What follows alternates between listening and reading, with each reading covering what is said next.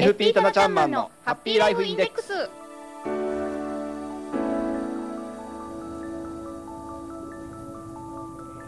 FP タナちゃんマンのハッピーライフインデックス」この時間はあなたの夢と未来をトータルサポートする。ライフサポート有限会社の提供でお送りいたします。私たちと一緒に明るい未来幸せな生活になるためのマネーライフを考えてみませんか？番組では皆様からの疑問質問を受け付けています。宛先は hama アットマーク p-wave.ne.jp ハマアットマーク p ハイフン wave.ne.jp です。あなたのご意見ご質問をお待ちしております。さて早速一級ファイナンシャルプランニング技能士ライフサポート代表のタナちゃんマンを呼んでみましょうタナちゃんマンはい、こんにちは、棚橋です。はじめましてよろしくお願いします、はい、こんにちは、こちらこそお願いいたします。いやいつもあのこう温かい声で皆さんに素敵なアドバイスをしていただいて。ありがとうございます。今日は何か、ねはい。い、つものファラジュンさんと違って落ち着いた雰囲気で、そうですね、はい、楽しんでいきたいと思います。ちょっと大人になった。という感じなんですけどね。は、はいいお届けしてまいります。はい。えー先週のお話の中で、はい。はい。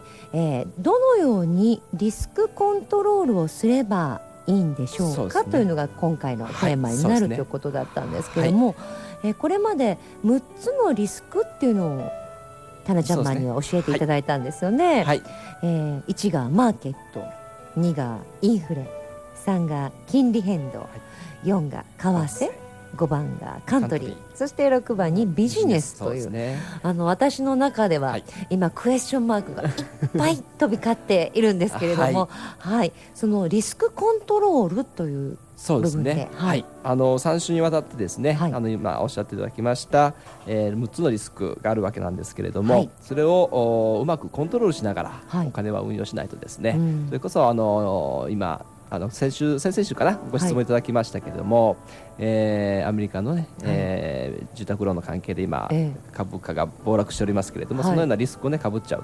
かぶらないようにはどうすればいいのかということをね、うん。えーお話をしていきたいなと思います。はい。詳しく教えてください。はい。はい、では、えーポイントとしては、はい、はい。そそうですね、えーまずですね、えー代表的な、えーリスクコントロール方法としましてですね、はい。よく使われる方法なんですが、はい、ドルコスト平均法という方法がございます。ドルコスト平均法、はい。初耳ですって 右も左も耳がそう言ってるんですが。ですね。はい。はい。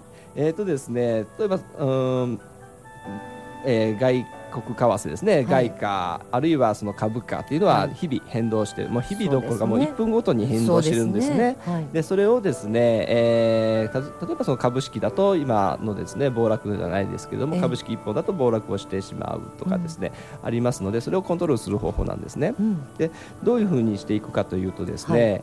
えー例えば、えー株式な株式で一つの銘柄同じ銘柄をですね、えー毎月毎月定期的にですね、はいうん、同じ金額ずつ株式を購入をしていくという方法ですね、あるいはその外貨ですと、ええ。ドルならドルをうん。毎,、毎月毎月定期的に、はい。えー同じ金額、まあ、円ですね、はい。円建てで同じ金額だけドルを購入していくといええう方法をドルコスト平均法と言うんですね。ほう。はい。購入していくんですね,、そうですね。自分にとっては増えていくわけですか？そうですね、はい。うん。であのこのポイントがですね、え。毎月定期的に同じ金額だけ購入するというところがポイントなんですね。え例えば1万円。はい、そうですね。1万円ずつはい。ですね、はい。購入していく。で、えー毎月例えば株ですと100株ずつ購入するえではなくて、ええ。毎月1万円ずつ購入をしていくというのがところがポイントなんですね。えなるほど。大きい額ではなくて、はい、お大きい額というか、うんまあ大きい額というか購入するはい。数量ではなくて、ええ。金額を金額でということそうですすでねね。うん。はい。そうするとあのードルの違いも分かってくるそうですね。ドルも同じ。あの先月よりはこうそうですね。安かった、はい。で高かったという、はい、そう、はい。そうなんですよ。ええ。で、えーじゃあこれはどうしどういうふうにですね、コントロールができているのかとえ。えいうことなんですけれども、例えば、えー、1株1000円の株式があはい。ったとします、えで1000円の株式をですね、えー5万円。えはい。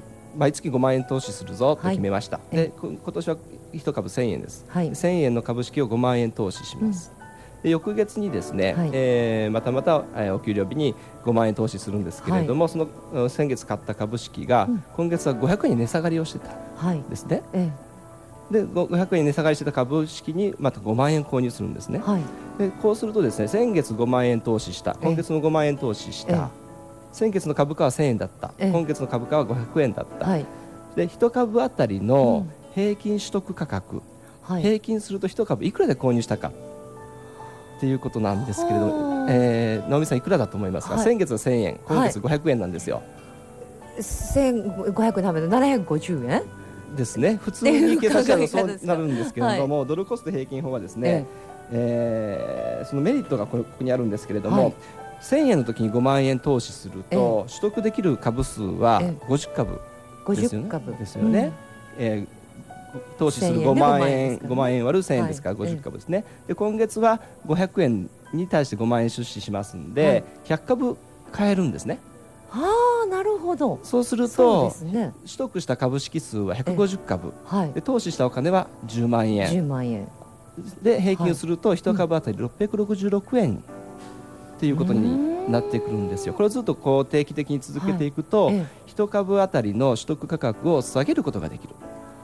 えあるいはああのドル、毎月毎月ええ。1万円ドル買うんですよ。ってやってれば、ひとえー1ドル当たりの取得価格が低くて済むというようなですね、平均を取っていくことができるんですね。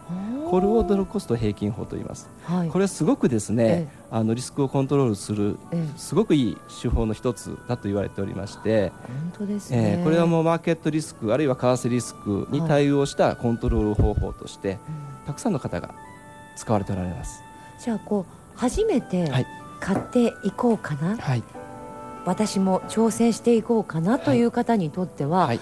一番基本的で安全なそう方法、ですね。そうですねという。ことですねそう。ですね。そして、うんもう一つ言うならば少ない資金からはい投資ができる方法なんですね。そうなんですよね。はじゃあちょっと始めてみようっていうそのはい楽しさを覚えていくい。方そうですね。法でもあるんですね。はい。安全な安全かつ、はいあの気楽な感じでね、えええーお手軽な価格から始めていけれる投資だと思いますそ。こですね、はいじゃあ素人の私でもできちゃいますか？そうですね。はいはい。そのまあ基本はもっと教えていただかないといけないと思いますけれども、はい。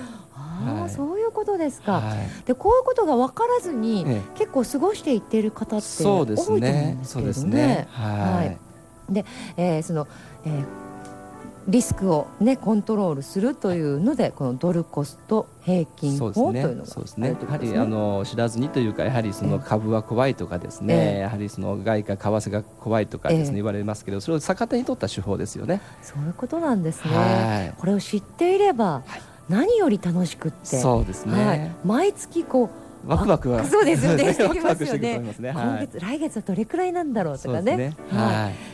計算ができるといいんですね。そうんうん。じゃあもっともっとあのこういい方法というのか、はい。あの初心者でも困らない方法というのは、はい。タナちゃんマンに伺っていきたいと思いますけれど、はい、わかりました。じゃああの来週はどういったところを教えていただきましょうか？はい、来週もですね、はい。あのリスクコントロールの方法としまして、はいえー分散投資っていうのをですね、はいお話をしていきたいと思います。分散投資ですね。はいこれもまたこうえ？ーっていうそうですね。目から鱗のようなお話を聞けるんですね。はい、わかりました。ぜひ皆さんも参考にしていただいて、はい、無理なく、そうですね。無駄なく、楽しくではい、すね。そこですよね。はい、そのポイントをぜひ、えーご利用いただければと思います。はいはい、タナちゃんマン今日ありがとうございました。ありがとうございます。FP タナちゃんマンのハッピーライフインデックス。この時間はあなたの夢と未来をトータルサポートするライフサポート有限会社の提供でハマゾンのサテライトスタジオよりお送りいたしましたそれではまた来週のこの時間でお会いいたしましょうバイバイ失礼します。